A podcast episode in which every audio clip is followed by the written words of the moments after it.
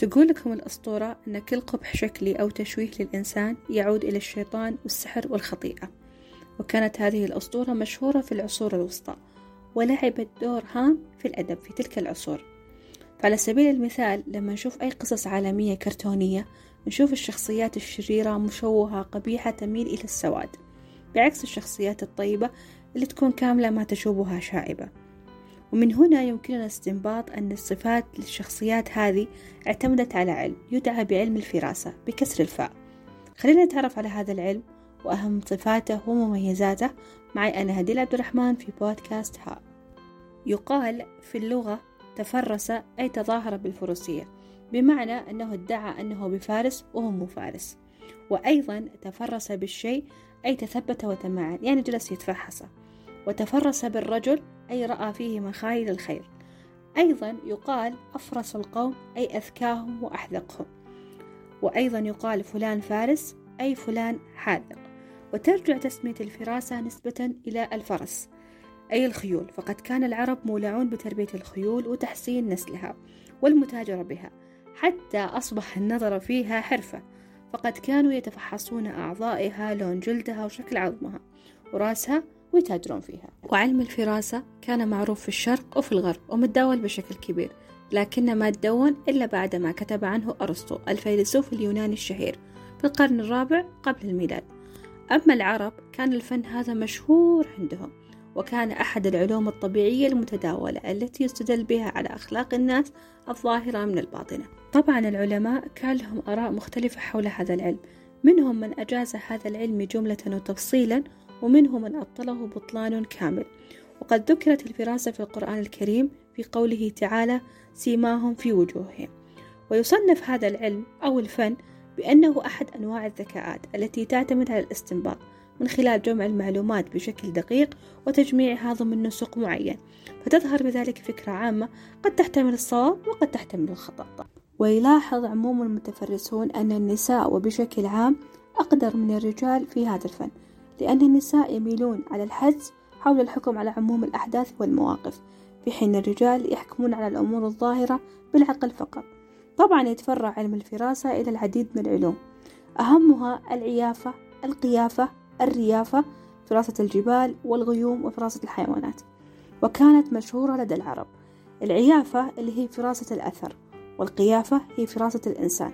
أما الريافة فهي البحث عن الماء وفراسة الجبال للاستدلال على المعادن والكنوز. أما فراسة الغيوم فهي توقع هطول المطر وفراسة الحيوانات معرفة طباع الحيوان كما هو معروف لدى الفرس. طبعا ولأن لكل شيء مبادئ الفراسة تعتمد على ثلاث مبادئ التشابه الدلالة الانعكاسية التناسبية والتحليل المتوازن. أشار السيد جاكيوس بيري للأجزاء السبعة الرئيسية للوجه ودلالاتها حيث, حيث لكل جزء في الوجه دلالة انعكاسية. فالجبهة والجبين تدل على القدرة العقلية والاستيعابية ضمن نطاق صفات معينة. أما الأنوف فهي تدل على القدرة والطاقة. الحواجب الحيوية ودرجة التفكير. العيون اليقظة العقلية. أما الأذن فهي تدل على الحساسية العامة ودرجة تقبل الصوت. الفم وهو قياس العاطفة الثقل مصادر العزيمة والنزاعات. وفي هذا العلم حددوا ثلاثة أمزجة للبشر اللي هي المزاج العضلي الحيوي العصبي. حنبدأ في صاحب مزاج العضلي. يكون بدنه قوي عضلي يطغى على مظهره النضوج عادة فارح مستطيل الشكل ولا سيما الوجه يعني وجهه عريض. جلده يميل إلى الخشونة وهيئته منتصبة. أما سماته الشخصية فهو عاشق للمغامرة محب للهيمنة والسيطرة جريء وباسل عديم الاكتراث بآراء الآخرين. جازم وواضح ومغرم بالأنشطة الفيزيائية شخصية تنافسية بحت محب للمجازفة وضربات الحظ. أما صاحب المزاج الحيوي فبدنه ذو جسم لين عضلاته عادية وتطغى على أجزاء بدنه الاستدارات وأعضائه الغذائية قوية.